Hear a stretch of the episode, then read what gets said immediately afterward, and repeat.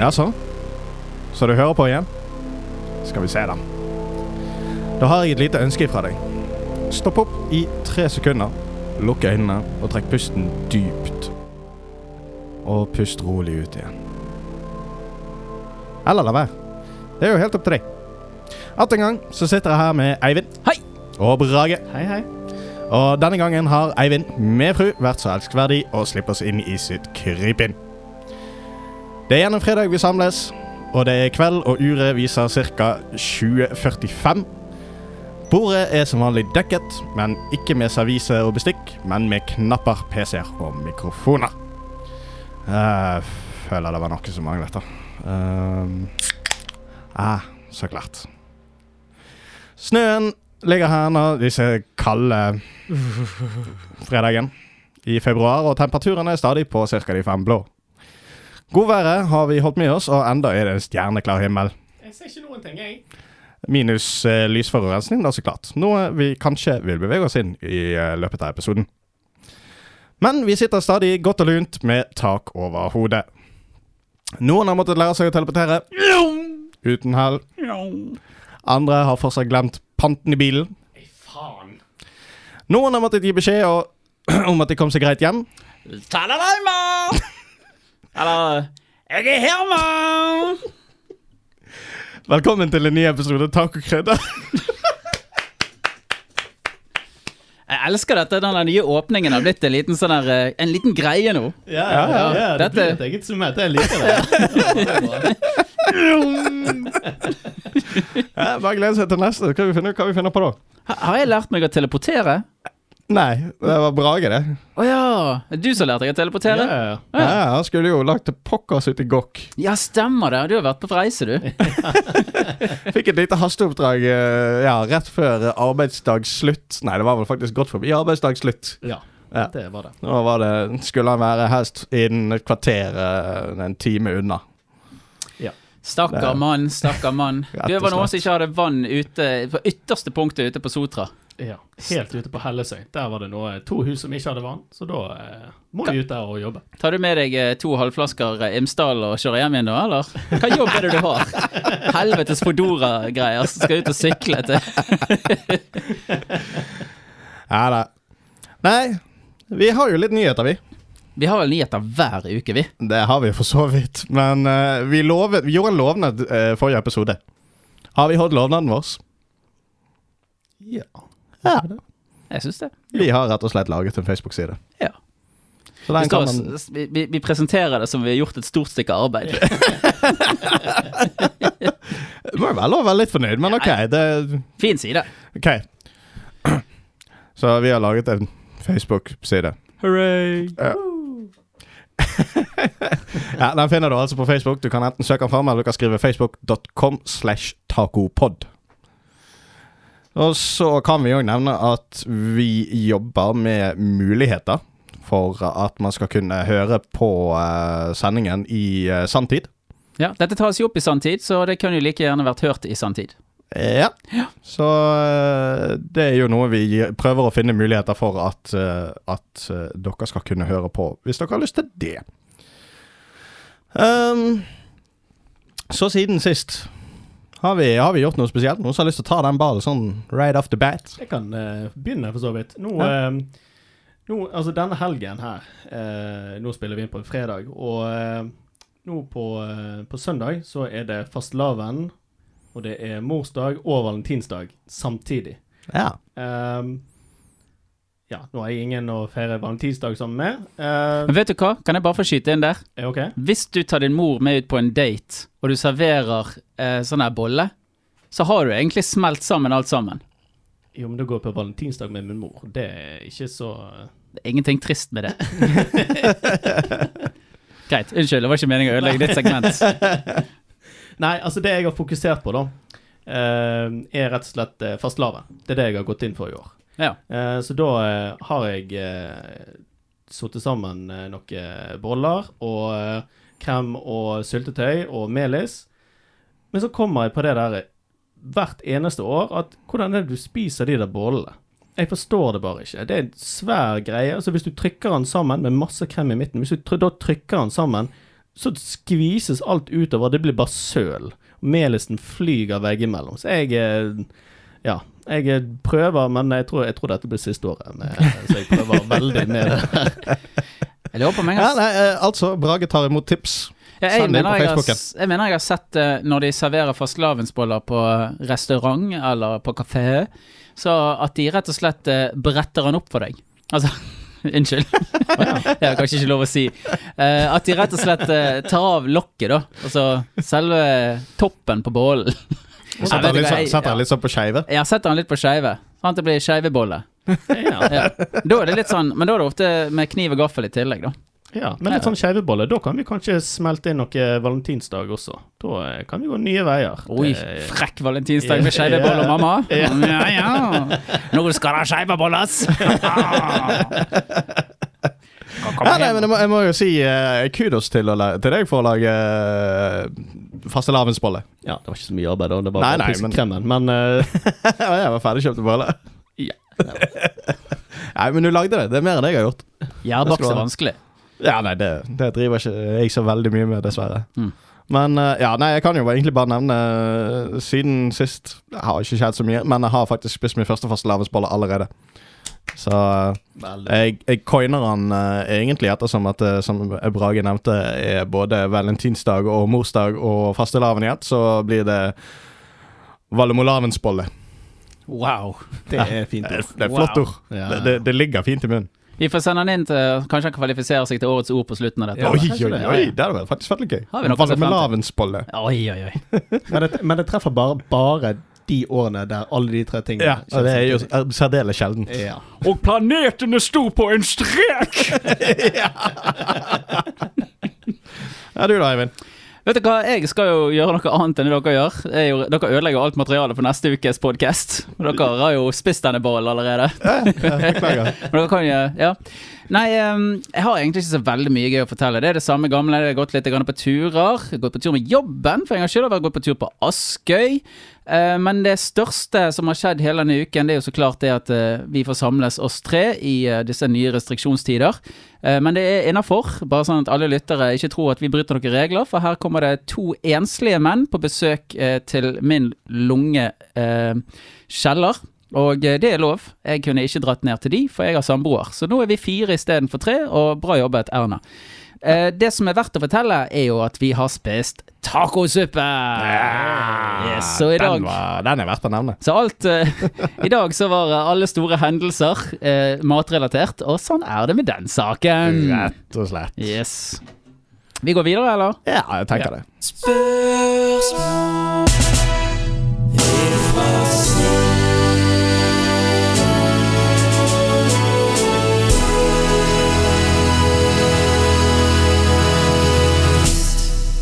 fra sist. Ja. Ja. Da uh, smeller vi rett på spørsmålet ditt, Eivind.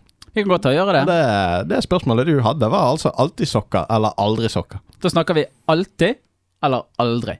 Uh, uansett hva. Ja, uansett. Uansett. Så det er typisk deg, Brage, å komme med sånne eventuali eh, eventualiteter. Sånne, ja, men hvis du dysjer, og så skal du på månen, og så er det trangt om plassen, og det ene og det andre. Nei, enten er det alltid, eller så er det aldri. Men hvis Nei. jeg kommer ut på en ulykke og må amputere høyrefoten, da blir det Da kan ikke jeg velge. Ja, da amputeres den med en sokk eller uten en sokk. Altså sokker som Hvor flertall plasserer jeg da den sokken? For det er alltid, på. Alltid disse jævla Da blir det, skal den på altså stumpen som er igjen, eller plasserer den på hånden? Så det blir sånn liten sånn dukke som jeg tar med meg overalt. Ja, Altså, hvis du mister en hånd Du skal ikke ha den på hånden, det er ikke det du bruker nei, sokken. nei, altså hvis du, hvis du eh, amputerer foten, ja.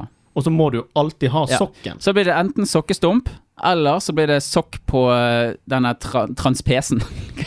Planta plantasjen? Transplantasjen? Protese? Protesen, ja. Protesen er riktig. ja. Transplantasjen. Nei, men Jeg har tenkt litt på det der. Eh, jeg tror, eh, og kanskje til Eivind sin store begeistring, jeg velger aldri sokker. Er ikke begeistret. Det, det var kjedelig. Synd, Brage. Ja. Nei, Jeg hadde òg faktisk valgt aldri sokker. Rett og slett fordi jeg hadde håp om å kunne gå i sand hvis det nå skulle være sand. Er det der det ligger? Ja, hos meg er det det. Det, det er så enkelt. Jeg skal, jeg skal gå og fryse i snøen. Uh, jeg kan gjemme de inni skoene og alt mulig, men, men ja. Jeg vil, jeg, vil ha, jeg vil ha sokkeløs. Ja, du, du vil kjenne sand mellom tærne. Ja, ja, jeg vil kjenne gresset mellom tærne når jeg løper i morgendugget på en duggfrisk morgen. Å, det hørtes utrolig deilig ut. Nå er vi Ja, det er lenge til. kaldt utover det i Ja. februar, så det var Hun Nå lengtet jeg litt etter sommeren. Du sa det. Men du kunne jo tatt på deg sånne der, eh, sokker med sånn skillede tær. Jeg vet ikke om du kan kjenne noe særlig med gress gjennom det. Nei, det tror ikke jeg. Nei, det går kanskje ikke. Personlig så hadde jeg gått eh, Jeg går for alltid ha sokker, jeg. Jeg er veldig glad i å ha sokker. Det som jeg egentlig gleder meg aller mest med sokker, det er å kjenne Og det vil jeg gjerne liksom at alle lyttere, og dere òg Nå snakker jeg til Brage og Joakim. eh, veldig gjerne tenk igjennom neste gang dere tar på dere sokker, hvor utrolig fenomenalt deilig det er å gjøre, men samtidig like deilig å ta av seg sokker. Det er en sånn endring i et eller annet som skjer på foten din, og akkurat den endringen den er ganske deilig. Og det spiller på en metafor for hele livet, tenker jeg. Ja. Eh, samtidig så hørte jeg i introen, der begynte du å snakke om noe sånn der eh, Pust dypt inn, hold pusten litt, grann, eh, pust ut. Sånne meditative ting. Det tar vi litt for gitt, for vi har ikke tid til det. Men hvis jeg går i dusjen med sokker på, og jeg går ut av dusjen og sokkene mine er våte, så må jeg faktisk ta meg tid til å sette meg ned foran ovnen og tørke sokkene mine. Og det blir liksom min nye greie som jeg setter pris på. Så jeg er klar for en oppgradering i livet. Jeg skjønner. Du skal rett og slett begynne å dusje med sokker og sette deg ned foran peisen og bare Ja. Ja. Rett og slett eh, lufttørke de foran peisen. Er ikke feil. Nei, skjønner. Den er grei. Brage hadde jo et aldri så lite eh, Jeg vil si tricky spørsmål. Ja, det er rett og slett et favorittuttrykk på norsk. Den, eh, den, den måtte jeg Ja. tenke lenge og hardt på. Ja, da er jeg veldig spent på hva dere har kommet frem til. Ja, Nei, jeg tar denne like godt først som sist. Jeg. Og Ja. eh, mitt uh, uttrykk er Du må ikke henge med hodet hvis du står til halsen i drit. Den har jeg faktisk aldri hørt om. Den har ikke jeg hørt om helt. Den har jeg hørt om mange ganger. Wow. Den, eh, ja, den likte jeg. Den Ja, var bra. Det er veldig bra Ja. metafor, uh, syns jeg. Mm, ja. Eh, Hvis det er mye drit, så er det I alle fall hvis det står med drit opp til halsen. Du har ikke lyst til å Hei, senke hodet ned da. Nei, Det er dårlig det er helt sant. Det er ikke det at uttrykket som jeg har pekt meg ut er så veldig fascinabelt. Det er bruksområdet som gjør det interessant, syns jeg. Og det er det at eh, nå må vi kalle en spade for en spade. Oh. Den syns jeg er så fin, for det er så veldig sjeldent at vi pleier å kalle spader for andre ting. Ja. Og det er liksom så ofte vi kan bruke det uttrykket. Og så er det så utrolig sjeldent at vi kan assosiere en situasjon hvor vi sliter med å finne navnet på en spade. Nei, En spade er jo nesten i alle tilfeller en spade. Ja, Så vi kaller det veldig sjeldent noe annet. Hadde det vært noe sånn Altså En skei kan jo komme ut i en sånn spiseskei, og så en sånn dessertskei, og så teskje, alt mulig sånn. Nå kan vi kalle en skei for en skei, og da gir det mening. Men en spade er nå for faen meg en spade uansett. En skei er jo for så vidt en spade. For en diplomann. Ja ja, greit. Det var i hvert fall mitt uttrykk. Yes. Uh, for meg, uh, jeg merker nå at dere har lagt mye mer jobb i dette enn det jeg har. Ops. jeg, dere har jo hele setninger. Jeg har egentlig bare ett eneste ord. ja. La oss høre. Det er rett og slett ordet baluba. Oi, den er fin. Den er fin. Nå ble det baluba. Jeg liker det. Ja, men den er, den er jo koselig, da. Ja, ja. Kan brukes som veldig, veldig mye forskjellig. Absolutt. Ja, den er fin. Og så var det mitt spørsmål, da. Uh, se for deg du har et skap som i Narnia, bare det at det aldri forsvinner. Så har du en portal til en annen verden. Uh, hvilken verden ville man altså valgt? Eh, har du en klar der, da, Brage, kanskje? Ja, da eh, har jeg rett og slett eh, litt lyst til å reise til eh, Hobbitun, rett og slett. Ho Hobbytun. Hobbitun. Eh, Nei, hva heter det på norsk? Det er Um. eh, Ikke det Hobbitun, altså Shire. Å ja, ja Ringenes hobby. Hobbiton. Nei, ho Hobbiton? Ja, ho Hobbytun. Ja, det, det er vel Hobbytun. Det Ja. Hobbitun, ja. Hob Hobbit-tun. Hobbitun, ja. Heter ikke det et eller annet syssel et eller annet? Jo, det gjør det. Det heter et eller annet syssel noe. Dette kan vi komme tilbake igjen til. Ja. Altså. Men, men et, Dette kan vi Rettelser, Ja, ja, ja. kan leveres i Tacopodden ja. på Facebook. Nei, vent litt. Kanskje jeg snakker om The Shire. Ja. Ja, Sysseltun, eller hva det heter. Men ja, ok, greit. Det heter nok Hobbitun, da. Ja. Men da, selvfølgelig, altså, nå er jo dette Du, du vil rett og slett til Middle Earth. Nei, jeg vil kun til Hobbitur. Ja, ok. Etter vekk alt det andre. Og så tar Ok, Så egentlig så vil du til New Zealand? Ja, Ja, egentlig. du, du vil reise dit, du? Ja, Ja. ja, for så vidt. Ja, Den er jeg veldig enig i. New Zealand. Her kommer vi. Ja, ja. ja. Den er fin. Uh, nei, jeg, jeg, jeg, jeg har slitt litt med den her sjøl, altså. Det, um, eh, jeg tror faktisk eh, Altså Pokémon-universet fascinerer meg såpass mye at det hadde vært spennende å reise dit. Men jeg er litt uh, småredd òg, rett og slett fordi er det, er, det, er det den versjonen du møter i, i animen og Pokémon-spillet, eller er det den litt mer virkelighetstro eh, Ja. Der man egentlig driver med dyreplageri og eh, cockfighting, så å si. Ja. Ja, som de sier. Det er jo eh, Ja, det er kanskje det. det altså, det er jo det, altså, det ser veldig fint ut på i, eh, altså, ut i tegnefilmene og tegneseriene. Da Ja. ser jo alt uh, veldig fint ut. Men uh, ja, hvordan har det vært Altså, har du, har du noen gang sett en Pokémon som gjør fra seg, for eksempel? Nei. Det, det, det tror ikke jeg har lyst til å se. Da ødelegges hele greiene. Hvordan formerer Pokémon seg egentlig? Men det har de aldri heller nevnt. Nei, De har ikke nevnt det. det, det, det det, er nettopp det jeg mener. Det er Denne voksenversjonen kan, eh, kan potensielt være, være litt freaky av og til. ja, Det er, altså, det- er det er garantert en voksenversjon der ute, altså. Det er nok en voksenversjon. Nei, men jeg reiser dit uansett. Ja, ja. Hvor er det du stikker, Eivind? Squirtle. Jeg bare kom på det. uh, nei, jeg reiser til sjokoladefabrikken, jeg, da. Ah, Ja. Henger litt med Charlie og Eller han er jo sikkert ikke der lenger. Men han er andre, han er eh, som driver sjappen, han er jo der. Ja, Og. Ompa-lompaene. Alle ompa-lompene som Ja, ja. driver og jobber der. Ja. Der er sikkert mye å finne på. Og så liksom Ja, det er jo greit. Det er jo mat og Ja, ja. sjokolade ja, du kan sånn. spise det til en ball hvis du vil. Ja. Ja. Hvor gøy er ikke det? Ja. Ok. Nei, men det er det flott.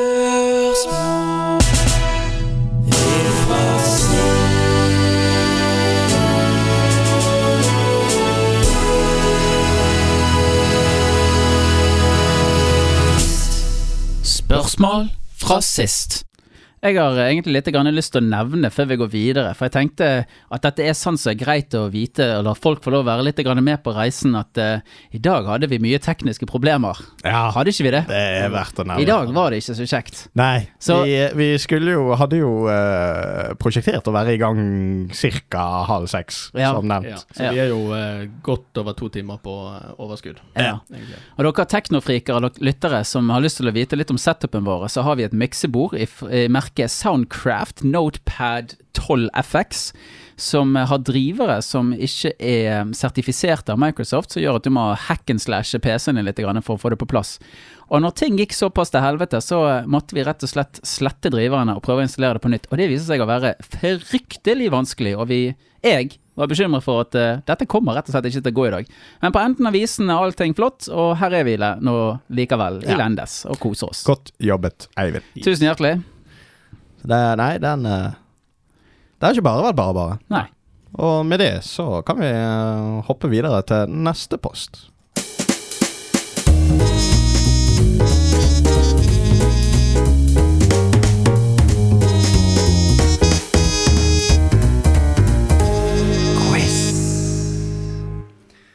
Da er vi inne i uh, quiz-modus, og uh, jeg må takke for en uh, utrolig fin jingle fra teknikeren her. Det er utrolig Ja. stilig. Vi kan vel også nevne her at pga. tekniske problemer, så ble ikke den jinglen ferdig.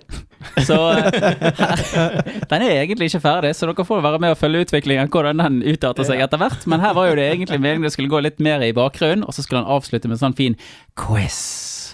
Og for en skarp lytter så skjønte han kanskje at det var ikke en del av låten. Det var meg som satt her og sa det. Ja. Vi tar rett og slett jingle live. Ja. Ja, ja, Sensasjonelt. Ja, Jeg har aldri gjort det i, i noe sted, tror jeg. Dette er enten en høy eller en lav produksjon. Snu det som du vil. Ja. Nei, men Brage, du, eh, du er klar, du, med ditt lille portefølje. Yes, da har vi noen spørsmål her. Da, da kan dere snakke så mye dere vil, og så kommer dere frem til et svar. Yes. Eh, da er første spørsmålet Er det et tema? Ja, her er det temaet. Det jeg glemte å si. Bra du sa det. Dette er da temaet miljø. Oh, er det tilfeldig? Det er ikke tilfeldig, for senere i dag så har vi hovedtemaer som har med miljø og global oppvarming. Da vi skal snakke litt om det. Så da tar vi en liten uh, åpning på det, og ser hvor mye dere ikke kan om miljø. Fryktelig spennende. Jeg, jeg er klar for å naile. Yes. Da har vi uh, første spørsmål. Hva eh, ville en miljøforkjemper si til en kamel?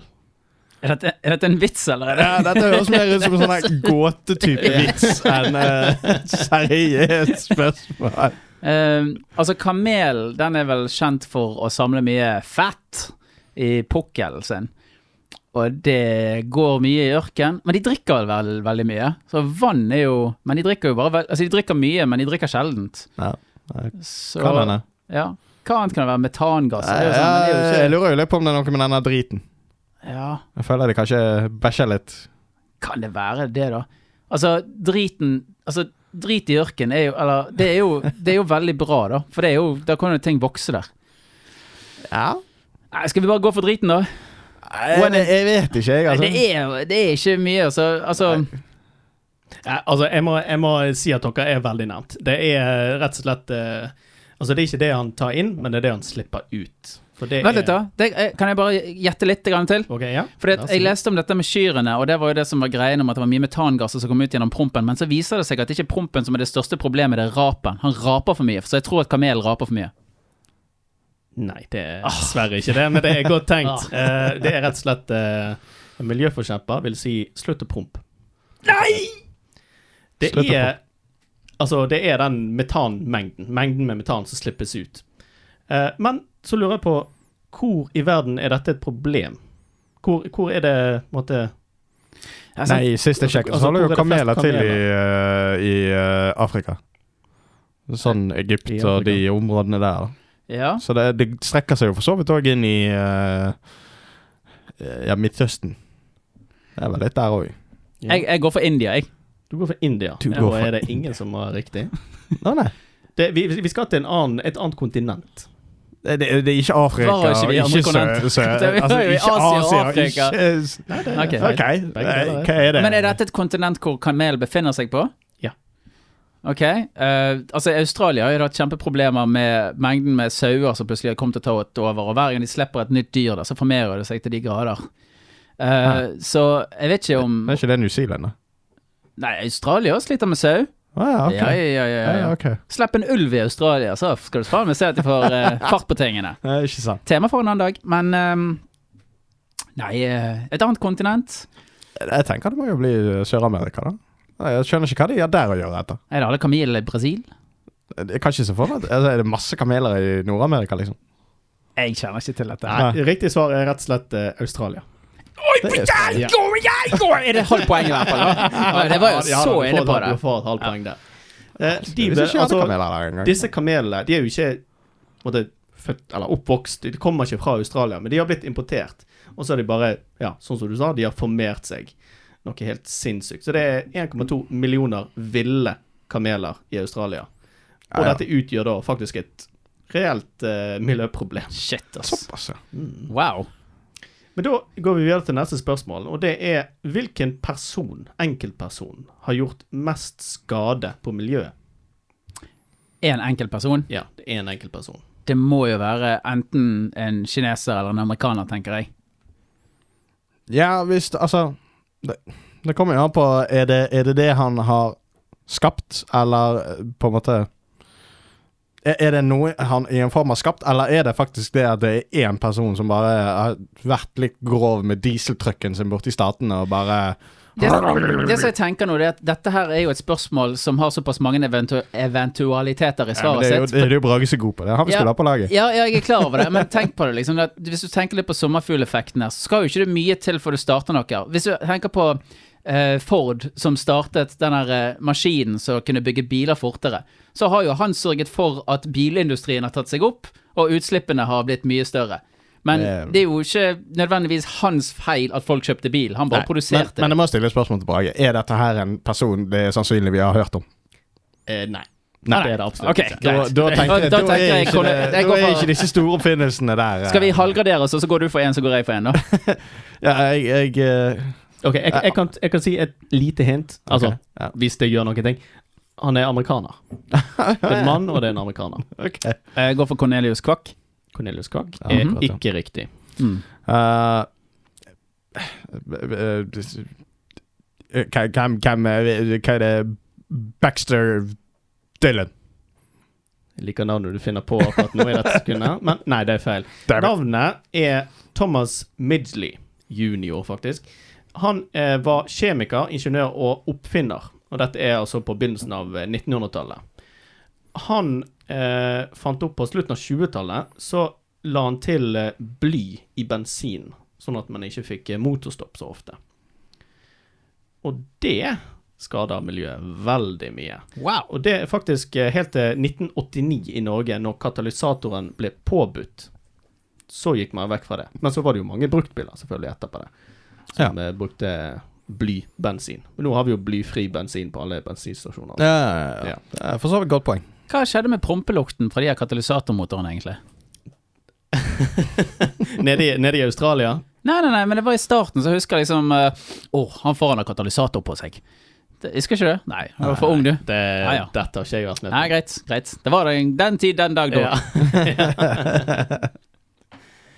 yes. Um, men ehm, denne eh, mannen, altså Thomas Midgley, eh, han har også funnet opp eh, en gass som har blitt eh, brukt i kjøleskap tidligere. Vet du hva navnet på den gassen der? En gass, ja. Uh, Jeg vet ikke. nei, Dette, dette var noe faktisk som jeg husker jeg lærte på ungdomsskolen. det er såpass, ja. ja. Nå, dette, dette er Brage sin måte å vise at han ser ned på oss. ja, ja, ja. Det er vel noe sånn der eh, Det er noe gass Altså, som han fant opp en gass, eller han fant en gass han kunne bruke. Ja. Ja, det Veldig, det, det, var, jo- det var jo veldig mye snakk om disse gassene som kom i alle disse an, um, I kjøleskap og sånn som det der. Så var jo det snakk om en gass som vi ikke måtte slippe ut i naturen. Så Ja. Derfor kunne vi, måtte vi være flinke og resirkulere. Jeg kjører metan, jeg. Jeg gjør ikke det. Nei. Eh, Metan er feil, forresten. ja. Ja. Eivind, hva Eh, skulle du si? Åh, jeg har glemt det, men jeg husker at jeg lærte det på ungdomsskolen. Ok, altså Dette er tre bokstaver, Ja. Og så er det CO2. Nei, det er er dessverre feil. Riktig svar er KFK-gassen. Ah. Ja. Kvinner for klær. Eh, det er ikke riktig, men ja. ehm, den ble altså brukt til å erstatte ammoniakk, propan og svoveldioksid, som var tidligere i kjøleskap, som var veldig farlig for mennesker. Mm. Så da, Men KFK-gassen, den, eh, den gikk helt greit. Den, eh, den skadet ingen, unntatt miljøet, men det fant man ikke ut før lenge etterpå. Nei. Fantes jo ikke miljø før i tiden. Nei da, det gjorde ikke det. Gjorde ikke det. Men da, eh, ja, det var han eh, mannen som fant opp begge de to tingene. Ja, faktisk eh, gjort Han, eh, Takk skal du ha. han- han- Ja. Tanken var god. Ja. En liten sånn Jeg vet ikke om jeg skal kalle det lysskinn i enden av regnbuen, eller hva man sier. Men uh, han var jo en oppfinner, og han Ja. fant også opp Og Han hadde polio, som gjør at du blir veldig svak i beina, og Ja. det er vanskelig å reise seg opp og sånn. Og da fant han opp en sånn litt sånn sele som han skulle plassere i sengen, sånn at han, skulle komme seg opp om morgenen. Ah. Med masse strenger og greier i taket. Og da, eh, rett og slett så på, eh, I en novembermorgen i 1944 så kom han i klem gjennom alle disse strengene. Så døde han av, eh, av kveling, rett og slett. Han døde av sin egen oppfinnelse. Det var en sjokkerende slutt på den historien. Jeg var helt sikker på at han har funnet opp oppreisningsselen eller et eller annet. Ja. Nei, han bare døde. Ja. Ja. Men da er det den eh, personen som har gjort mest skade på miljøet, er døde faktisk av sin egen oppfinnelse. Er det, er det karma? Hm? Er det karma? Det kan, Det kan være karma. karma. Det kan være karma. Absolutt. Ja, Ja. absolutt. Vi, går videre til eh, neste spørsmål. Og her eh, tror jeg dere blir litt sjokkerte. Det ble i hvert fall jeg. Hvis du ser for deg en vanlig kjernefamilie, mor, far, to barn, hund, to biler, og bor i en enebolig, middelklassen altså, Ja. hva er det denne familien kan gjøre som eh, reduserer eh, miljøfottrykket deres mest? Det er én ting som de kan gjøre. Drepe en av ungene sine. Det er feil, men du er faktisk ikke så veldig langt ifra. Jeg tipper at svaret er drepe hunden. Men eh, det hadde vært bedre å drepe en av ungene. Ja, det er nok eh, helt riktig, ja. Men, eh, ja. Men Mm. skal vi se på, liksom, på den lovlige siden, så er det å drepe hunden helt korrekt svar, Ja. faktisk. Ja. Ja. For det er faktisk sånn at eh, hundemat, og kattemat for så vidt også, eh, det er utrolig skadelig for miljøet. Faktisk i USA så er altså det energiforbruket som går med på å bare holde hunder og katter som kjæledyr, det er en femtedel av det totale energiforbruket til hele befolkningen. Nei, Yes. Ja. dra meg baklengs. Så da, hvis du bare Hvis alle tar livet av alle kjæledyrene sine, så sparer du miljøet for utrolig mye. Og da er det rett og slett den maten som de spiser, som da eh, er altså eh, kjøtt og sånt, gammelt kjøtt fra andre dyr. Det er rett og slett det som utgjør den, eh, det Mm. fotavtrykket. Så det er så enormt. I Kina spiser de hund.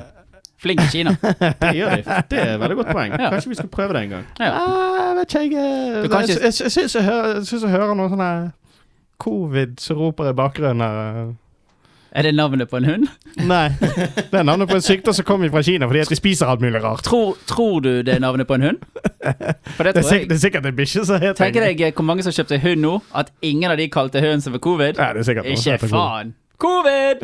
Kom, da, kom, kom, kom, kom, kom da. Bare hyggelig hvis du har en hund som heter covid. Er du i mål? Nei, vi har et spørsmål til. Oi. Veldig bra. Eh, og da eh, Da lurer jeg på hva er likheten mellom en av Islands vulkaner og Genghis Khan? De begge dekket sånn uh, Ja, uh, OK. Den tror jeg er fin. Ja.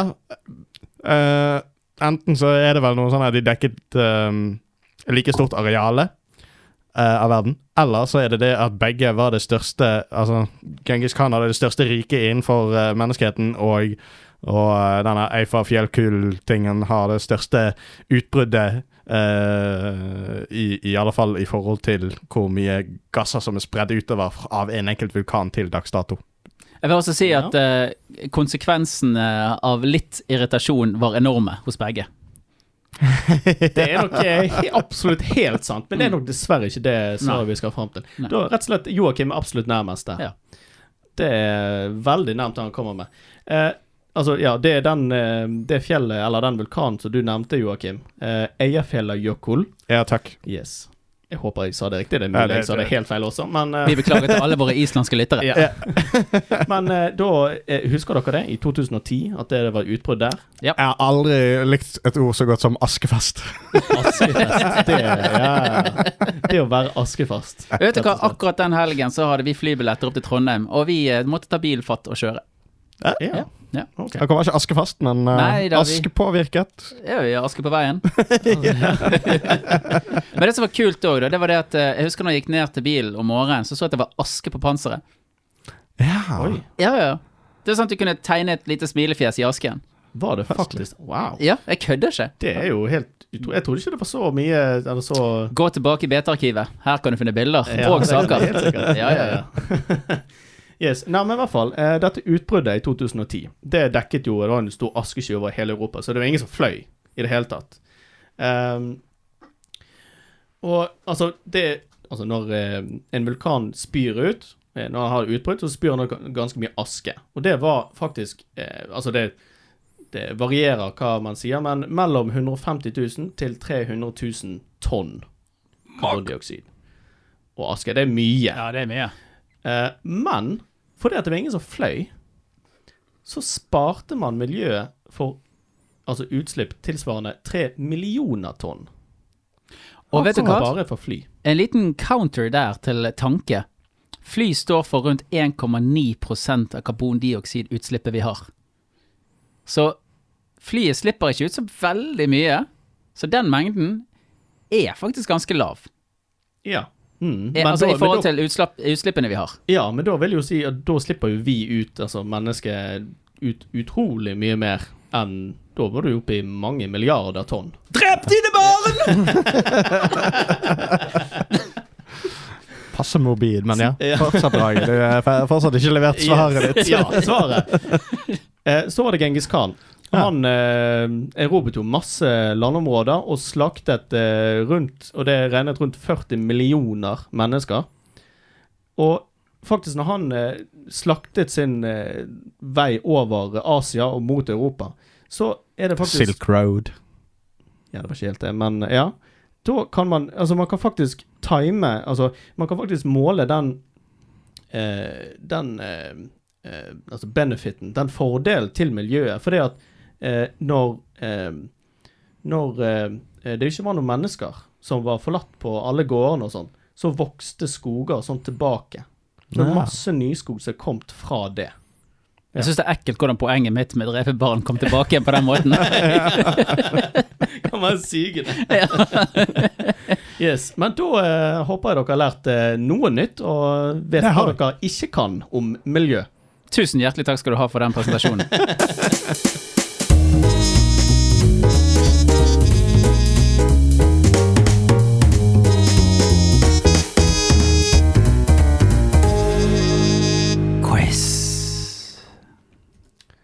Ja, mye lærte vi. eh, utvilsomt.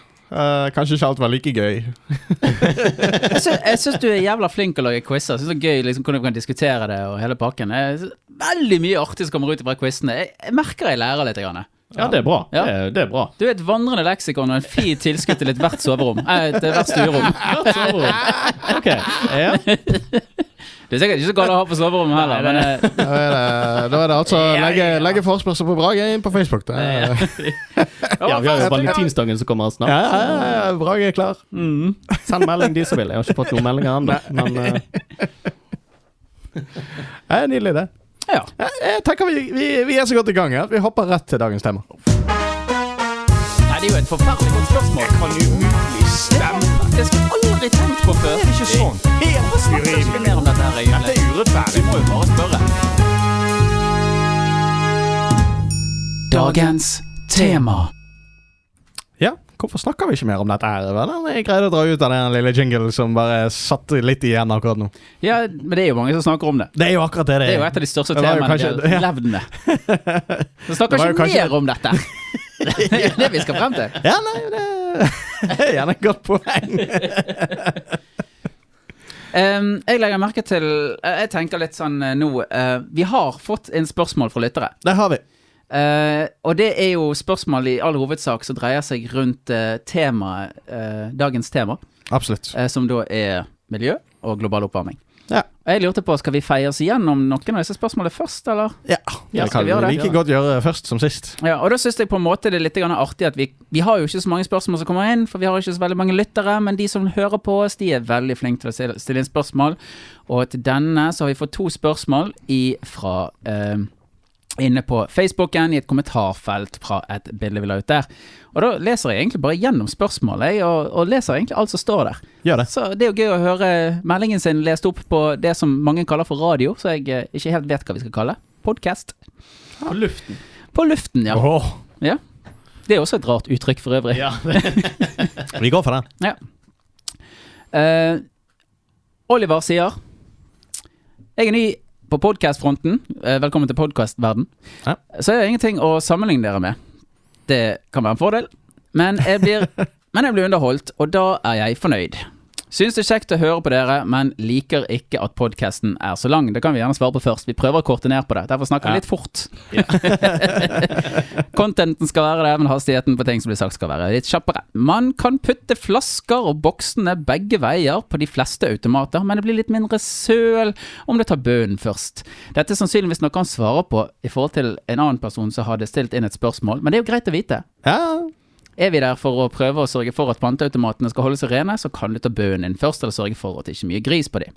Men det har jeg forresten aldri visst, egentlig. At man kan ta man kan ta den begge veier, for å si det sånn. Jeg, eh, jeg har alltid tatt bunnen først. Ja. jeg er så pliktoppfyllende du, Brage. Ja, ja. Ja, det er det det står på maskinen, så da gjør jeg det.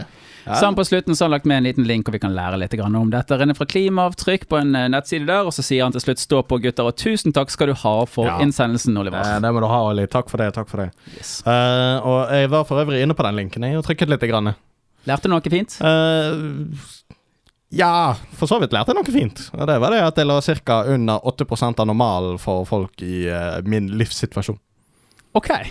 Hvordan jeg greide det, aner jeg ikke. Men uh, Du, men du ligger under 8% på Hva da? Nei, altså, det som er greien, er jo det at her er det jo en link. Jeg vet ikke om du var trykket på den, men uh, det er en link der hvor du da altså legger inn størrelse på bolig, og litt om hvordan du transporterer det til og fra jobb, osv.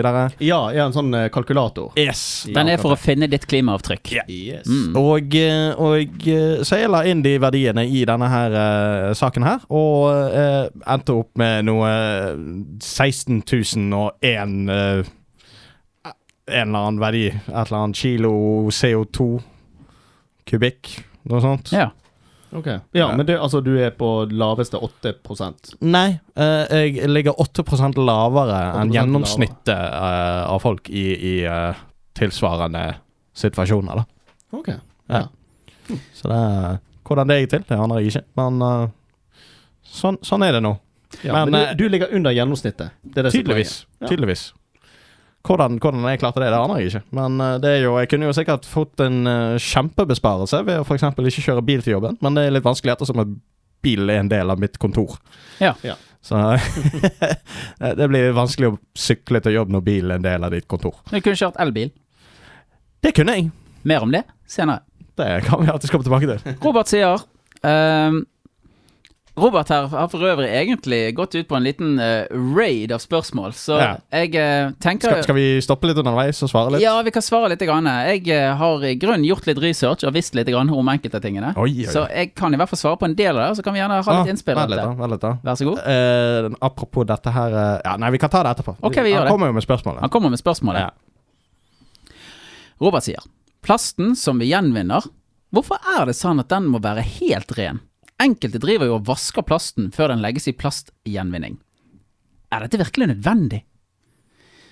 Jeg kan begynne på den. Ja.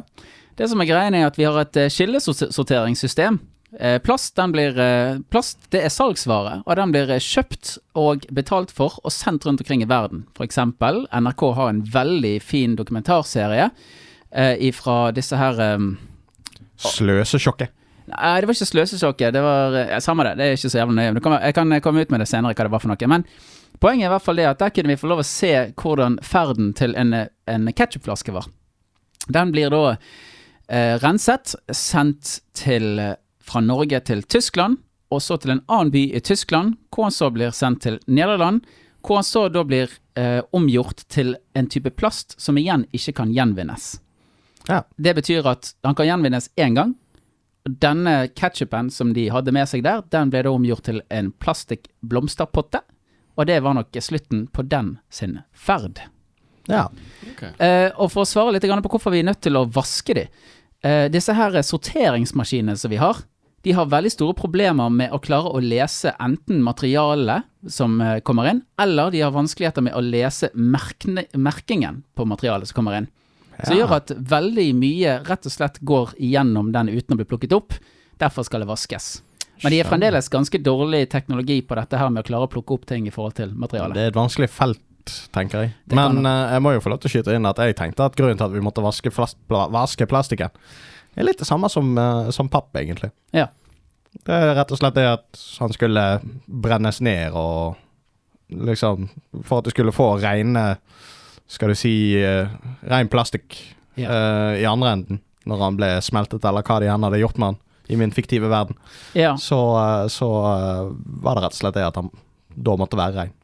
Denne plasten som vanligvis blir sendt inn, den blir jo sannsynligvis vasket, og så blir den pulverisert, eller i hvert fall skåret opp i veldig små biter, før den blir farget og omformet. Ja. Ehm, men hva er det som skjer hvis du legger skittenplast der? Jeg har jo delvis svart på det. Men hvis den ikke blir plukket opp av et sorteringsmaskin, så blir denne også sendt ut på den, det, Denne plastdelen blir da en del av et boss, eh, reservoar, som da blir sendt ut på anbud. Og salg av boss er ganske mye penger i, og det blir ofte solgt til land som bruker det for fjernvarme. Altså de brenner plasten, og så sender de den varmen ut som fjernvarme. Så det blir på en måte solgt som elektrisitet, eller ja, ikke elektrisitet, men varme i hvert fall, da. Riktig. Robert fortsetter. Jeg regner med at panelet alltid er flink til å pante flasker, refererer til Pantelotteriet. Hører ofte at Norge er verdensmestere i å pante. Stemmer dette? Eh, Norge prøver å etablere en av Norge er faktisk verdensmester på å ha panteautomater. Der er de gode. Norge har ikke sitt eget sorteringssystem, det er derfor vi sender plasten til Tyskland, men vi er verdensmestere på å ha tilgjengelige panteautomater. Ja. Så Det er ikke noe mer enn det. Ellers er det veldig gøy. Han refererer jo til forrige ukes eh, podkast hvor vi snakket om at dere to hadde begge to vunnet i Pantelotteriet. Ja. Ja, gratulerer igjen. Og så spør han videre. Jeg lurer på hvorfor i Bergen eh, vi ikke kan få disse her eh, nye automatene som vi ser som har kommet til Oslo enkelte steder. Og hvorfor, uh, hvor du kan da helle inn eh, store mengder med panteflasker, og så blir de ferdig pantet. Og da har han snakka selvfølgelig om Tomra R1-pantemaskinen. Oh, ja. Ja, det er den han snakker om, som har hatt en del testbutikker. Og det er gøy at han spør, for det, det har vist visse resultater i noen testbutikker som har brukt denne panteautomaten. Og nå leser jeg fra et lite notat her at testbutikkene viste en 60% økning i pantesesjoner og over 200% økning i returnering av flasker og bokser sammenlignet med fjoråret. En demonstrasjonsvideo som ble, har blitt lastet opp på sosiale medier av denne brukt i en testbutikk, er blitt sett over 425 000 ganger. Det er en liten selvpromotering de har lagt inn på bøen der, altså. Ja. Uh, grunnen til at de ikke har fått den her, det er vel fordi at de kontinuerlig driver med oppgradering av panteautomater, og det er jævla dyrt å kjøpe en så stor og ny en. Men det, de sier Ja, også i disse butikkene at folk har reist langveisfra for å drive og pante flaskene sine der, så det er jo blitt en event. Det kan jo være at dette er en forbigående fenomen. Altså, for å si det sånn, hadde det dukket opp en i uh, Sino Åsane, så hadde jeg vært interessert i å stikke bort der bare for å ja, bare for å pante teste. og Ja. teste det. Ja. Ja. Men, da, Men det hadde blitt den altså, ene gangen, tror jeg. men med denne maskinen så heller du inn masse er flasker. riktig. Så du må ha Så- masse flasker å pante. Du kan sikkert helle inn én flaske hvis du vil, men uh, ja. Eh, Men eh, det er jo sånn at det er en ganske stort gap på denne maskinen, den Tomra R1-maskinen. Og den, eh, da tar du liksom hele flaskeposen din, altså da er det typisk at du da kommer med en type, sånn svart bossekk, Ja. og så heller du hele greien inn, og så går det så det durer etter det. Ja. Ja. Jeg har jo ikke hørt om disse engang, så jeg lærte noe bare der. Ja, ja. Men kan du vinne pantelotteri med disse? Det, det lurer jeg på. For da, eh, hvis det står Ja, hvis det ikke er pantelotteri, så kommer ikke Brage og panter. Nei, da eh, Da velger jeg Rema 1000. Ja.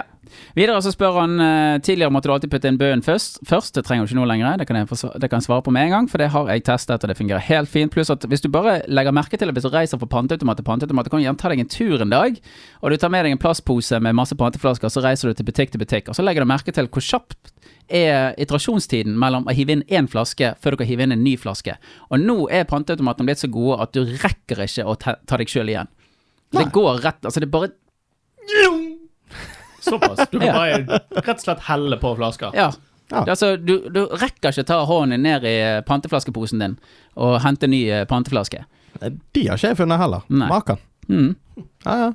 Jeg håper vi har klart å svare på de fleste spørsmålene videre for senere, men takk for en nydelig podkast. Tusen hjertelig takk skal du ha for at du eh, stiller spørsmål og er med i på reisen. Og vi håper at ditt neste tacomåltid er like bra som eh, ditt forrige. Absolutt. Eventualiteter til å gå der òg. Ja, nei, men det er flotte spørsmål. Det, Skal vi dure på videre med vårt eget tema? det kan vi jo for så vidt ta og gjøre òg. Um, ja. Skal vi nesten ta det litt sånn Hvor kommer spørsmålet ifra? Hvorfor er dette temaet i dag?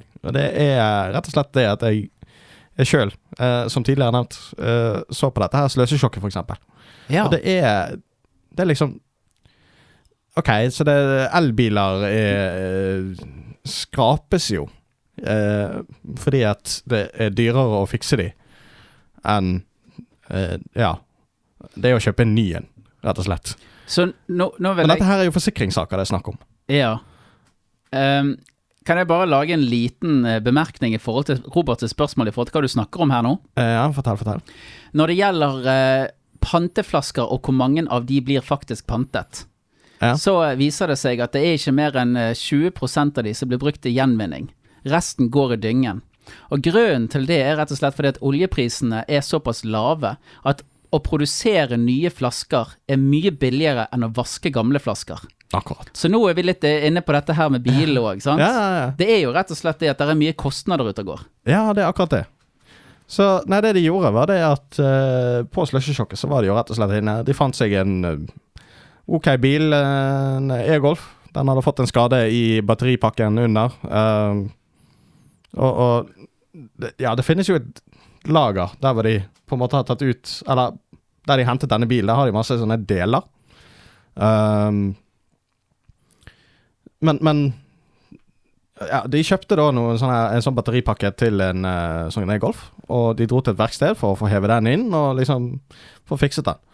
Så nå husker ikke jeg helt 100% hvordan det, det, akkurat det her byråkratiet fungerte, sånn at dette her ble jævla kostbart å rett og slett fikse på, men det er liksom Hvordan er det mulig at liksom OK, vi, vi har reservedeler, men jo, det var akkurat der. Eh, bilprodusentene. Sant? Når forsikringsselskapet får inn biler at liksom, OK, her er det en skade på bilen, eh, jeg, jeg må jeg, eh, Ja, hva, hva, gjør jeg? Så eh, tar forsikringsselskapet og ringer til noen sånne forskjellige Ja, de, de finner ut hva som er feil med bilen.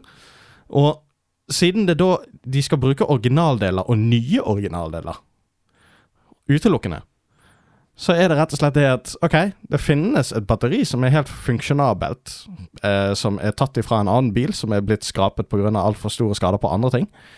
Eh, men det funker helt fint. Det eneste er at du må ha det inn på et verksted, men siden det da ikke er nytt, og ja, så, så kan de eh, er det noe sånn her, de, de, mener de kan ikke garantere for, for hvor godt dette batteriet fungerer. Ja. Og dermed så er det da at nei, vi kan ikke bruke det, så vi skraper hele bilen.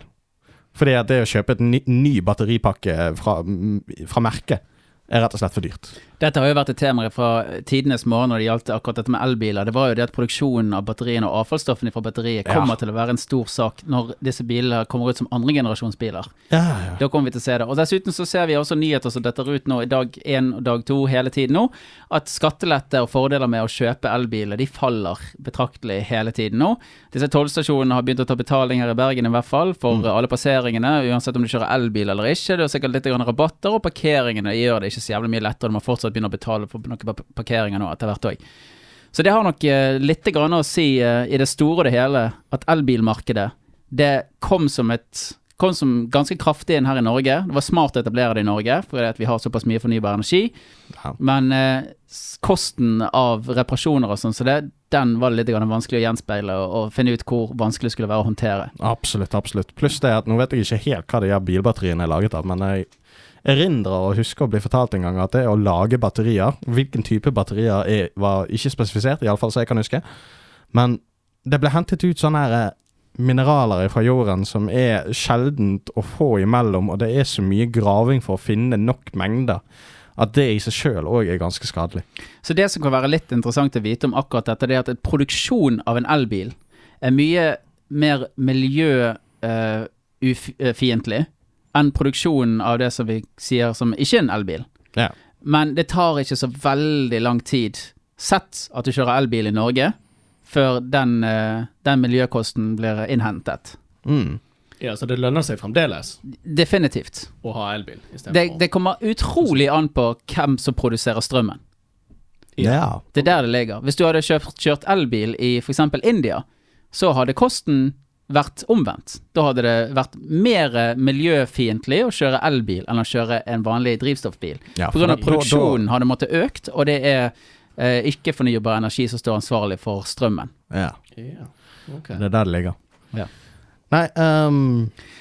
Men så et lite spørsmål her. Det er jo Jeg kunne, jeg kunne tenkt meg, uh, hvis jeg får lov, ja, ja. å rett og slett uh, tenke litt på hva er klimaspørsmålet. Sant? Ja. Det jo, høres jo veldig stort ut, men jeg syns på en måte at det kan kokes ned overraskende enkelt. Ok, du har jo allerede svaret klart, så kjør på.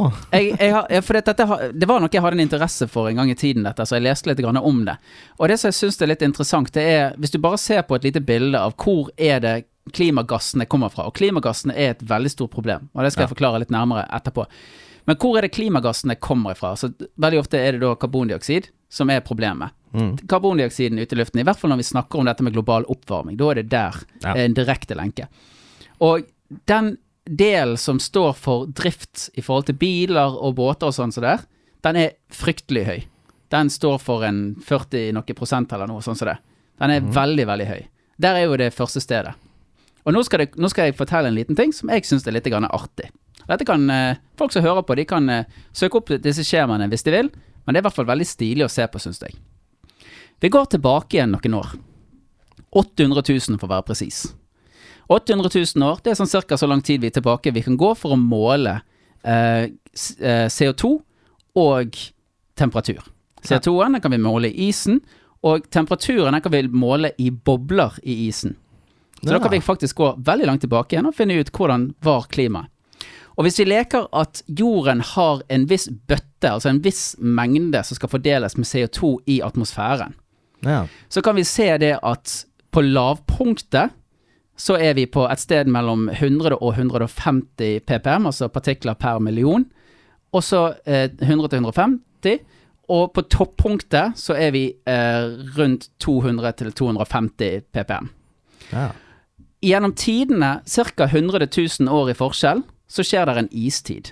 Og det vi kan se, det er det at temperaturen synker sammen med at karbondioksiden i luften på tiden sank. Og de hopper helt identisk.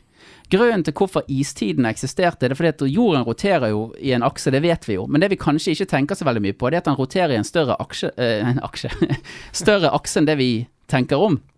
For om ca. 30 000 år fra nå, så kommer hele Nordkalotten på planeten vår til å ligge i mørke, som gjør at når sollyset ikke treffer på sommerstid, så fryser det over. Dette har skjedd hvert 100 000 år, og det har vært mange istider som har skjedd om igjen og om igjen og om igjen. Og det som skjer i havet da, er at da ehm, isen plukker med seg en del karbondioksid, som de lagres i isen, og det er noen alger som utvikler seg også tar imot karbondioksid, som gjør at frysningsprosessen går fortere. Men så hopper jorden tilbake inn i den vante akse, hvor sollyset kommer tilbake igjen, og all karbondioksiden den blir da sluppet løs, og karbondioksidmengden den øker veldig fort, og temperaturen øker veldig fort. Og på et toppunkt opp gjennom tiden de kan regne seg tilbake blant disse 800 000 årene, så har vi nådd hele 300 ppm. Rundt 1950, litt grann før det, men rundt 1950, så begynte oljeindustrien å rive i gang litt grann under jorden. ja. Som gjorde at vi fikk plukket opp et materiale som ble brent. Og når vi sier at ting går kjapt, når jeg sier at utslippene gjorde at ting gikk fortere, så var det i en periode på ca. 20 000 år. Det tok å gå fra rundt 200 til 300 ppm. ja. De siste 20 årene har vi gått ifra ca. 200 til 460. ja. Ja, OK. Så Og temperaturene de skilles mellom 150 til eh, 250 ca. ppm, er på ca. 4 grader. Fra null til det toppunktet. Dette er et veldig skummelt hopp. Ja. Og dette er uforutsigbart, for vi kan måle tilbake 800 000 år, men dette har ikke vi sett før. For det er som jeg sa i starten her, du har en bøtte med karbondioksid som roterer. Men dette har ikke vært i rotasjon før. Nei. Dette er nytt i atmosfæren. Det er akkurat det, for nå er vi litt tilbake igjen i eh, skal vi si eh, jordens spede begynnelse, om vi kan si det på den måten. Ja, så det er derfor jeg sier det at når man snakker om klimaspørsmålet, så syns jeg at akkurat den delen er litt grann viktig å forstå seg på. Ja. Og grunnen til at dette her har kommet ut, som sagt, så er det brenn, eh, forbrenning av ikke-fornybar energi. Også dette her med biler og båter og, og det som er, som slipper ut klimagasser. Eh, For det som eh, er verdt å merke seg litt i forhold til det, da, er jo at eh, Du nevner jo alger i havet. Ja. Og det er faktisk noe av det som produserer mest oksygen i verden. Ja, Det er også de som, de som tar til seg mest karbondioksid i verden. Yes. Men det var ikke alltid sånn. Nei, det kan godt være. På en eller annen eh, periode så var det alger eh, som rett og slett slapp ut CO2. Så Ja. det. Og da var ikke disse her oksygenalgene i gang. Det kan jo være sånn som jeg sa i sted også, om at der fantes en algetype som fikk et levbart uh, eh, han, fant liv å leve når jorden kom i den aksen som gjorde at det begynte å vokse is. Men hva som skjedde med den algen når sol kom tilbake igjen, det kan godt være at den da avløste en del av denne karbondioksiden. Ja, det er nå det, men samtidig så er det òg det at hva er faren med at temperaturen stiger for mye? Der er det to eh, svar så vidt jeg har fått med meg. Det ene er at eh, du har disse algene som slipper ut CO2. De er allerede på vei tilbake igjen. Eh, og det andre er det at is er igjen her fasit. Og du har permafrosten i Russland. Ja, Sibir. Yes. Der Det er jo egentlig en sump som er frosset i hjel. Og den holder så usannsynlig store mengder med karbondioksid at hvis den smelter, så eh, kommer hele verden bare til å bli kokt i, i karbondioksid, rett og slett. Ja, for da har du et ekstra utslipp. Jepp. Det er riktig. Det er rett og slett bare fordi at jorden blir såpass varm at isen smelter, og dermed så kommer det en hel masse, et helt nytt reservoar med eh, eh, CO2 som ligger gjemt i permafrosten. Ja. Mm. Og dessverre så har vi også den her eh, naturfenomenet som er trær og skog. Som også er veldig dyktig på å plukke til seg eh, karbondioksid. Og der nå for tiden opplever vi da en dobbel negativ. Det Ja. ene er det det at vi kutter ned skogen, som gjør at vi fjerner det som plukker opp eh, karbondioksiden. Og det andre er det jo det at den, de trærne som vi plukker ned, de, de behandler vi på en måte som gjør at den karbondioksiden som var lagret i trærne, blir løst ut. Ja. Så der har du en dobbel negativ. Så det er Ja, noe av det første vi burde gjort. En, jeg trodde det var en annen du skulle si på den doble, og det er nettopp det at vi har jo såpass Altså nå, nå bare i fjor var det jo masse store skogbranner som uh, faktisk rev vekk en god del, uh, god del uh, ja, verdifulle og viktige skoger for, for rett og slett oksygenet. Ja. Men det er jo for eksempel altså, Det er jo for eksempel sagt det at Amazonas var uh, den skogen som, som Altså, den produserer så mye luft og sånt. Men uh, 90 Ja, jeg tipper 98% av det oksygenet den skogen produserer, det forblir i den skogen. Ja. Ja, så det, det reiser ikke opp igjen eh, nord Det, til går ikke, det, går ikke, det er ikke veldig mye som går i sirkulasjon til resten av verden. Det er ikke, det er ikke, det er ikke regnskogen som vi lever av. Men er spørsmålet hvor mye eh, oksygen skogen produserer, eller er spørsmålet hvor mye karbondioksid skogen tar opp?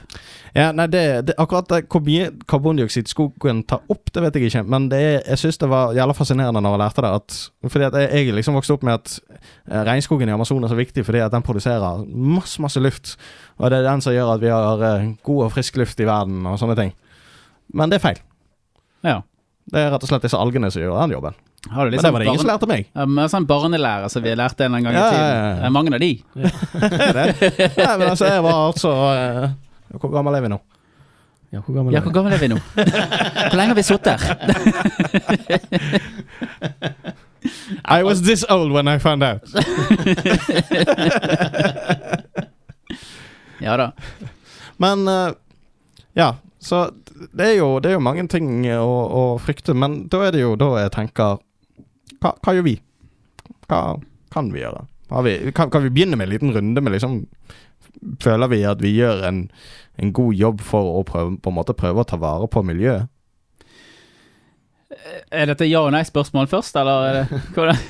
Jeg, Ja, ja, du kan altså, svare med ja. er, det, er, det, er det spørsmål direkte til oss, eller Ja. er Ja, OK. Uh, nei. nei. Nei, absolutt ikke. nei. Nei. Jeg vet ikke, hva føler Mm. du, Joakim? Hmm.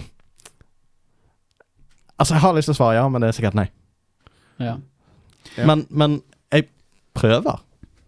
ja. Jeg, jeg, jeg prøver å gjøre valg som på en måte OK, eh, si emballasjen på denne maten, er den i plastikk, eller er den i Ja, det er jo det som er, sant. Ja.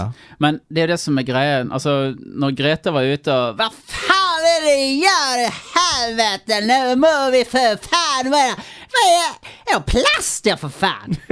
Når hun er ute og preker, så tenker du at hun snakker jo med de store styresmaktene. Hun, hun snakker jo med de virkelige, og det er liksom når vi, når, vi set, når vi prøver å sette oss sjøl på kartet, så er vi grådig langt nede på listen når vi sammenligner oss sjøl med Amerika og Kina.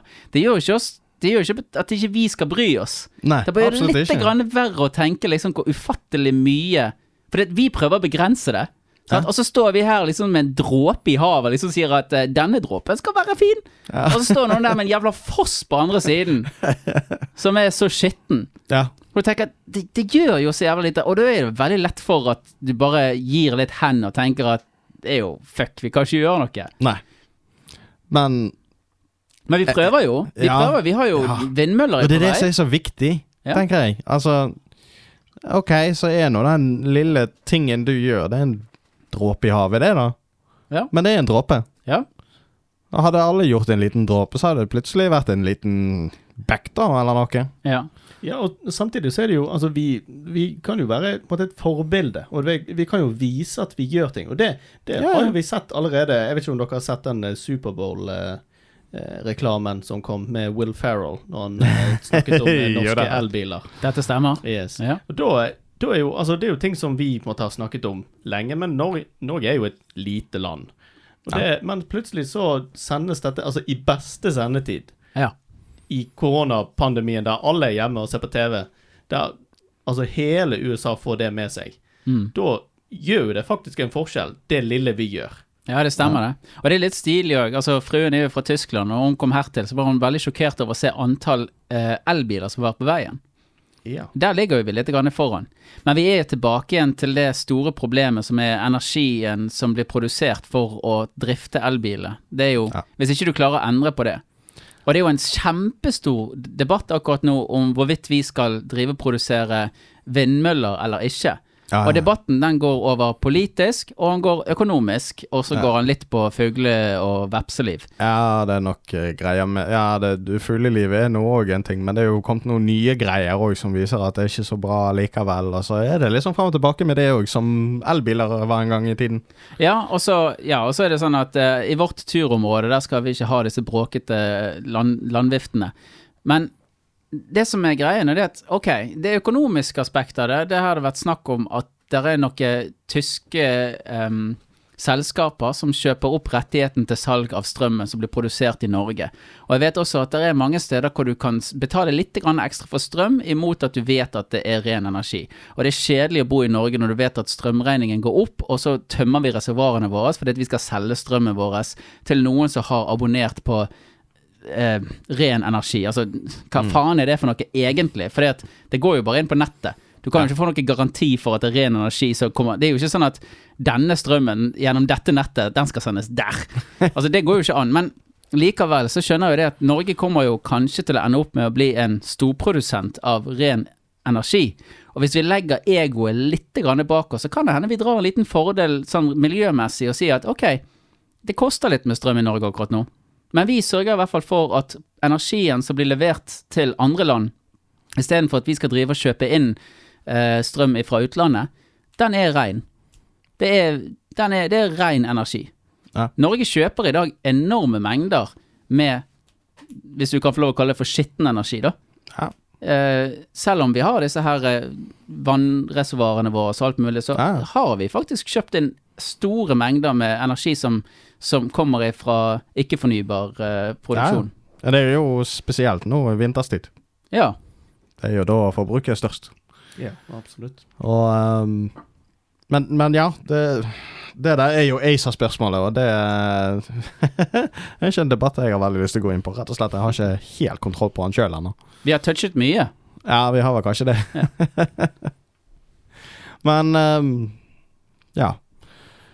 Eh, Er det, er det mm, litt tilbake igjen på, på at vi er, er, er vi Altså, jeg sier jo at jeg er litt var på hvordan jeg handler og, og slike ting. Gjør dere det samme? Føler dere at dere kunne gjort noe mer? Er det andre ting jeg kunne gjort, f.eks.? Har dere tips til meg? Eh, jeg har en veldig sånn gøy liten sak som du kan tenke litt på. Da. Jeg vet ikke hvor mye den angår akkurat deg nødvendigvis, da, men jeg syns det var litt artig. Ja? Fordi at eh, her kommer jeg til å bli slaktet. Og uh, vi får håpe at lytterbasen ikke økes for mye, for jeg vet at jeg nå uh, trår ut på et ganske farlig farvann. Men vi har en del f.eks. veganere der ute som ofte går ganske hånd i hånd med miljøbekjempere. Ja. Men så spiser de søtpoteter. ja. Og det skal visst være mye sunnere enn vanlige poteter. Og så tenker jeg Vi bor i Norge. Hva faen er vi? Vi er et potetland. ja. Er det noe vi kan klare å få til oss, er det poteter. Men vi kan ikke produsere søtpoteter. Så den dagen du kjøper en søtpotet over en vanlig potet, som by the way har nesten ingen helsemessige fordeler over en vanlig potet, bare sånn at det er sagt, og vær så snill, hvis du er imot dette her, søk det for faen meg opp. Jeg er sikker i min sak. Der er nesten ingen helsemessige fordeler å velge en søtpotet over en vanlig potet. Det er bare smaken. Barma takker deg, for de tjener penger. Kjøp en potet istedenfor en søtpotet. Det kan du begynne med. En vanlig potet. Ja, Velg kortreist. For disse båtene som skal drive og frakte tingene her og der, det er en enorm industri. Absolutt. Og det kan lønne seg.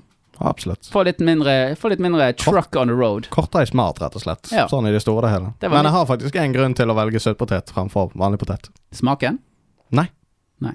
Det, det er en greie jeg ikke har testet ut eh, ennå, men i forhold til psoriasisen så er det anbefalt en, eh, en eller annen sånn her eh, levevei. Ja vel. Ja, Der hvor Ja. man rett og slett kutter ut en hel masse greier, og søtpotet er en av de tingene du kan spise. Der er du i minoriteten. Yes. Ja. Men det var altså folk med autoimmune sykdommer. Det, de har en, et, et alternativ i en eller annen eh, dame som rotet fram en eller annen sinnssyk oppskrift. Og da kan dere notere dere det, kjære publikum. Vi er også et legeshow. ja, ja, ja. yes, nei, men eh, vi skal prøve å holde det kort, så jeg tenker faktisk vi, vi kutter den der, jeg. Da er vi på plass? Ja. All right. Nei, det er jo et forferdelig godt spørsmål. Kan umulig stemme. Det skal jeg aldri tenkt på før. Det er ikke sånn. Hvorfor snakker vi ikke mer om dette her, Dette er urettferdig. Vi må jo bare spørre. Dagens tema. Ja. Ja. Helland for et interessant tema, og jeg er glad Ja, for at vi er klarte å korte det. ned på det, til den graden. Men fy faen så mye vi tok opp. ja, vi tok opp mye, og vi var over mye, og det er mye som enda er usagt. Vi har jo eksempel ikke touchet for eksempel tema hydrogenbiler, som jeg egentlig har lyst til å snakke om Ja. litt. Men det skjedde jo heller ikke. Nei. Ikke at det er så veldig mye å si, kanskje. Men det er veldig bra, for jeg kan ingenting om hydrogenbiler. Så det er veldig bra at jeg tok opp. Nei, det er jo det. Nei, jeg bare, skal du si, jeg tenker det hadde Ut ifra det jeg har hørt om det, så hadde det vært masse fordeler. Eh, men ja. Hadde Det ikke får, det får bli disse et her- tema til en annen Hadde ikke gang. disse her uh, biler som gikk på sånn her uh, maisdrivstoff eller noe sånt som det som bare var i Biologisk. Sverige? Biologisk drivstoff som egentlig bare hadde stasjoner i Sverige? Noe greier der òg. Og så har vi jo den ene stasjonen ute på uh, Kokstad. Der var de gjorde klar for hydrogen og alt mulig. Ja. Men nei da. De skrappa hele det prosjektet. Ja, det Jeg vet ikke hvorfor. Hvis noen, hvis noen vet hvorfor vi skreppet hydrogenbilprosjekt-motorprosjektet, så jeg er jævla interessert i å høre det. Eh, mitt gjett, mitt umiddelbare gjett, er rett og slett at hydrogen er mangelvare. Ja, at de bruker det til andre ting istedenfor å drifte biler. Ja, men altså i det hele tatt. Altså hydrogen altså, Det er jo sånn med alle stoffer. Kanskje det ikke er hydrogen, da. kanskje Sand- det er noe annet. Sand for glass er jo faktisk også en mangelvare. Jeg føler det er mange av de. Også helium er en mangelvare. Liksom, du blir sånn overrasket over å lære liksom alle disse mangelvarene som vi har. Ja, Så jeg bare tipper at eh, hydrogen er en mangelvare. Ja, ok. Ja, nei, jeg husker ikke. Eh, Hvis jeg ikke tok helt feil, så var den der, det, det som var greia med motoren, var det at du egentlig fylte på vann, og så gjorde motoren et eller annet. Men eh, ja, ja. Ja, Kan- bil- Kanskje jeg skal lære meg litt mer om hydrogenmotorer før jeg sier noe mer. ja. Men det er jo veldig interessant hvis bilen går på vann. Ja, det var noe, eh, det var noe greier der, skjønner du. Ok. Men, men. Ja, men det får bli en annen dag. Har du, så, har du sånn lite motorrom hvor du kan hive noe kull inn i, og så For det, jeg, mener, jeg, jeg mener jeg så en dokumentar en gang, uh, het for øvrig Chidi Chidi Bang Bang, hvor de gjorde akkurat det med en bil. Ah, ja. Den var veldig bra. Det var en gammel dokumentar. Vestlig. Mm. Ja, nei, men uh, Har du lyst til å være litt sint du, Eivind?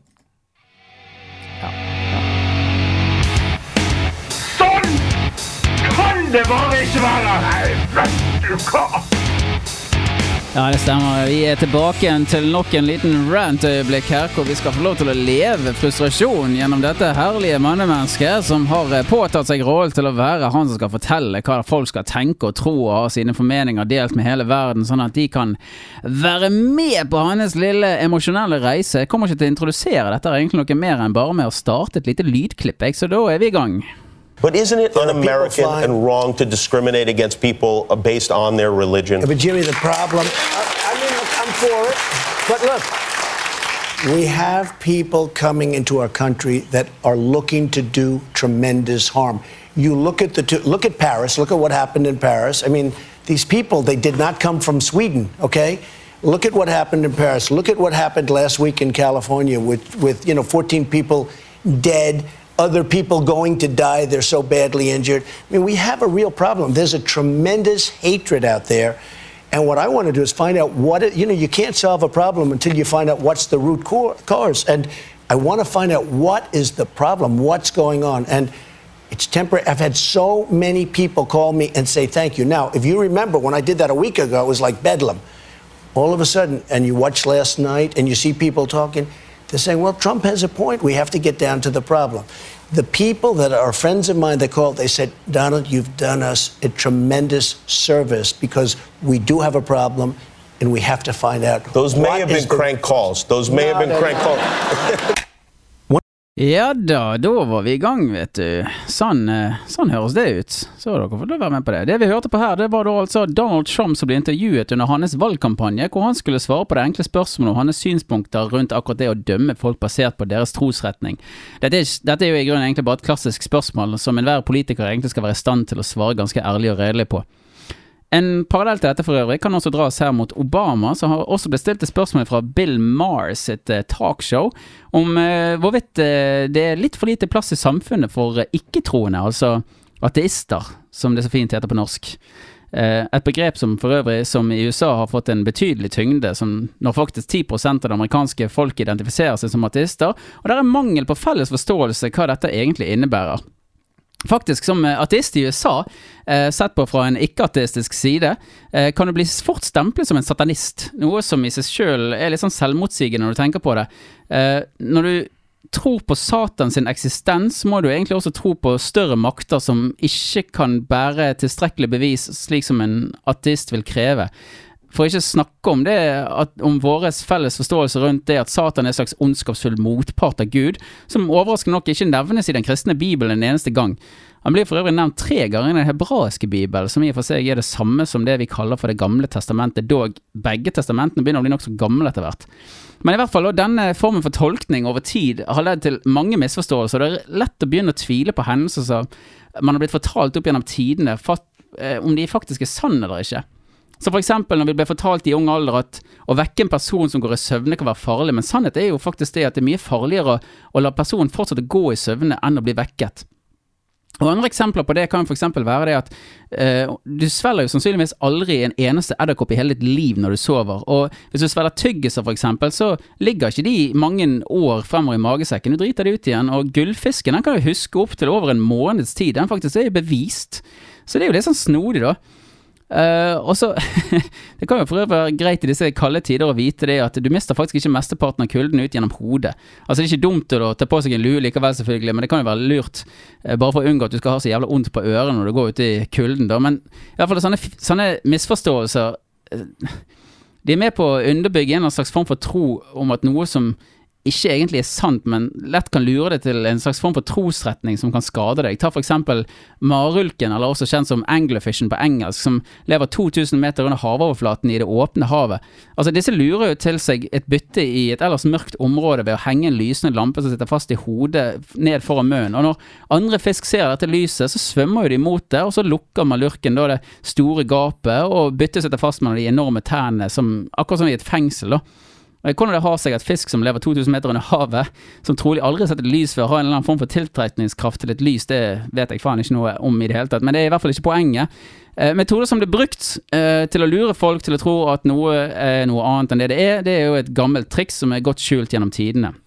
For eksempel så kan vi tenke på denne trojanske hesten, som forteller hvordan grekerne under Trojakrigen bygget en hest ut av tre, med plass nok til å skjule en hel hær, som ble gitt som en slags krigstrofé til byen Troja.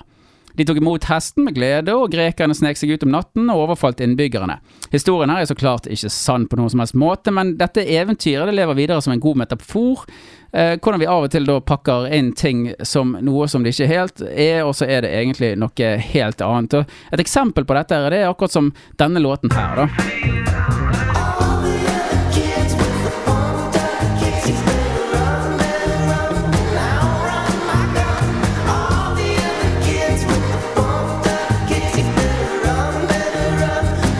Dette er sikkert en låt som veldig mange folk har hørt tidligere. Dette er Foster the Children, som har laget en nokså upbeat og artig melodi som handler om dette med skoleskyting i USA. Det kan være litt overraskende på noen. Og folk de, eh, de danser og de synger med uten at de forstår hva denne grusomme hendelsen faktisk dreier seg om i det hele tatt. Og jeg vet ikke om dere har lagt merke til det, men dere hører litt paralleller til akkurat det der òg, hvis dere hører på denne låten her fra Marit Larsen. Eh, I kantina på Elvebakken har vi bredt utvalg av mat og drikke. Jeg tror jeg, tror det var og feil link. Vi har billige bagetter, Billige bagetter, jus på kartong Ja, og masse, masse mer. og masse mer. På fredager er det taco Taco! Oh, yeah! Ta en okay. tur innom. Tacobagett.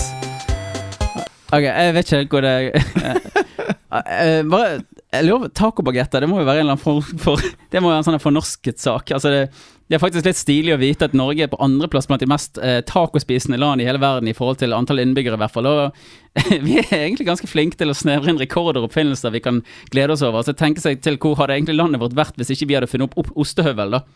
En artig eh, anekdote på akkurat det med ostehøvel, da. Eh, er dere klar over at bindersen faktisk ikke er norsk uh, på noen som helst måte? Uh, det første patenten som ble utstedt, var en amerikaner med navnet Samuel B. Fay i 1867. Det var i hovedsak for å feste merkelapper til tekstiler, da, men i 1877 ble en ny patent gitt. Eriman J. Wright, hvor patenten var mer lik sånn som vi bruker den i dag. Uh, den vi bruker i dag, er for lik alle andre patenter, så det, han skiller ikke seg nok ut til å bli en egen patent. Men Jon Våler han var en norsk oppfinner som feilaktig ble tilkjent æren for å ha funnet opp bindersen. Uh, han fikk et patent på en papirklem i Tyskland og USA rundt 1900-tallet, eller i hvert fall i starten av 1900. Men hans papirklemmer uh, var mindre funksjonelle enn den allerede ganske anerkjente bindersen, siden papirklemmen til Johan Vaaler ble brukt som uh, noe som skulle holde ark sammen. Så ble jo den under krigen et symbol, symbol på norsk samhold mot okkupasjonsmakten, men ja. Ehm, skal vi se e Ja. Ja, så her, uh, her ser vi da et eksempel uh, hvor ting vi lærer når vi var liten, av og til endrer seg over tid, eller Det endrer seg ikke, da. Det bare Det var, det var ikke helt sånn som eh, det, det du lærte, det var jo feil, men det er jo Du vet jo ikke hva den personen som lærte det, visste. Det kan jo hende han lærte bort noe Det var ikke med vilje, vilje eller. Uansett, da. Eh, folk må lære seg å holde seg til temaet, i hvert fall. Eh, svar på det du ble spurt om, for eh, post-truth er et stort nytt begrep som har vokst opp i lys av spredningen av falske nyheter som masseleveres via sosiale medier. Og politikere og presse får lov til å drive og snakke rundt grøten eller fokusere på andre nyhetssaker for å unngå at vi skal se det større problemet. Så det blir veldig vanskelig å være en ansvarlig borger.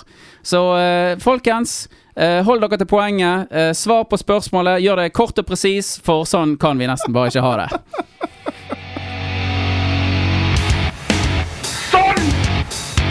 Det bare ikke være! Nei, vet du hva? Ja, det var eh, Det var en lang tekst for å lage et poeng. Falt han litt sånn halvveis inn i det, tror jeg. Altså, det var jo opplagt. Ja, Det var jo jeg kom til slutt. Ja, ja. Jeg kom til slutt. Du så jo hvor det bar hen. Jeg begynte å skjønne hvor det bar etter den tacobaguetten. Det er nydelig levert. Altså, Jeg må for øvrig slenge inn en aldri så liten greie. Du sa noe om satanisme inni der, og jeg må jo bare si det at satanisme har jo ingenting med å tro på djevelen. I alle fall ikke de fleste. nei. Det handler faktisk mer om eh, å dyrke egoet. Ja vel. Ja, Ja. Det er moderne satanisme. Ja. Men selvfølgelig, det finnes jo alltid noen som ja, skulle ønske at uh, gamle-Eriken gikk på jorden og litt sånn styr. Ja. Den satte meg i sjakk. Ja. Jeg gjorde det absolutt. Var det, var det kort og konsist nok, eller? Brage, meningen med livet. Wow! wow. Der traff vi blink. Yes. Nei, men uh, vi, vi går til oppsummering, vi. Vi Ja. har uh, rett og slett vært uh, innom et aldri så lite hovedtema i dag, der hvor vi snakket uh, Var vel egentlig ganske lett i overflaten av miljø. Eh, vi har hatt en aldri så liten quiz laget av Brage. Og vi har òg hatt en aldri så liten Sånn kan vi ikke ha det om å holde seg saklig i en ganske usaklig tekst. Ja. Ja. Ja. Så da eh, har vi egentlig et siste punkt, og det er spørsmål til neste gang.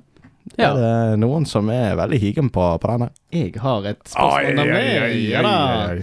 Og da lurer jeg eh, rett og slett veldig på eh, Hvis du måtte være i isolasjon Du har blitt påvist korona, så må du være i isolasjon. Du, men du får ha én person med deg hjemme hos deg som skal sitte med deg. Aha. Hvilken musiker ville du ikke oh, ja. hatt med deg? Du skal være med deg rundt hele tiden. Er hvilken musiker er det du virkelig hater? Eller så du, så du tror ikke kunne gått sammen med deg og leve hjemme med deg? Ja. Det lurer jeg veldig på. Jeg var nyvrig på hvem ville tatt med deg på en ødøy. Ja, ja. Ja, jeg, jeg gikk eh, Jeg har gått litt eh, i mitt vante spor, jeg. Og, og rett og slett tatt spørsmålet eh, Favorittdestinasjon. Hva er din favorittdest... Eller, altså, du kan reise hvor du vil, drit i hva det koster, men hvor ville du reist? Altså, Ja. er, det, er det definert i jorden, dette? Ja, ja, ja. ja altså, du kan få reise til Mars hvis du vil, liksom, men uh, Det høres utrolig spennende ut. Ja. Men eh, Favorittdestinasjon. OK. Ja. Vær seg i, i solsystemet, eller Melkeveien, eller Andromeda-galaksen. Jeg gir pokker. Gi meg din favorittdestinasjon. Ok, ja. um, mitt spørsmål er sendt inn fra en lytter. Unevnt hvem det for øvrig var. eh, Rett og slett fordi at eh, jeg har glemt det. Og der må lyttere ha meg unnskyldt. Jeg er på heltid eh, full tekniker og ikke hukommelsesmann. Men eh, han var nå tilsendt et eller annet sted, og jeg syns det var såpass interessant at jeg har lyst til å ta det videre. Så jeg har lyst til at det skal bli det neste spørsmålet, altså spørsmålet i neste uke. Og det er Hvis dere skulle brukt hobbyen deres spilling til noe annet Altså, hvis dere skulle erstattet spillingen med noe All spillingen Hva hadde det alternativ nummer to vært? Ja. Hva hadde dere erstattet spilletiden med? altså en annen hobby. Ja, erstattet spilling med en annen hobby. Hva hadde den hobbyen vært? Ja. Ja, Det, var, det er et godt spørsmål. ja. Det var jeg som kom inn. eh, da runder vi av for i dag, vi. Vi gjør nok det, da. Takk og farvel. Og skal vi si ha det i unison? Det kan vi gjøre. En, to. Ha det! Det var unisont.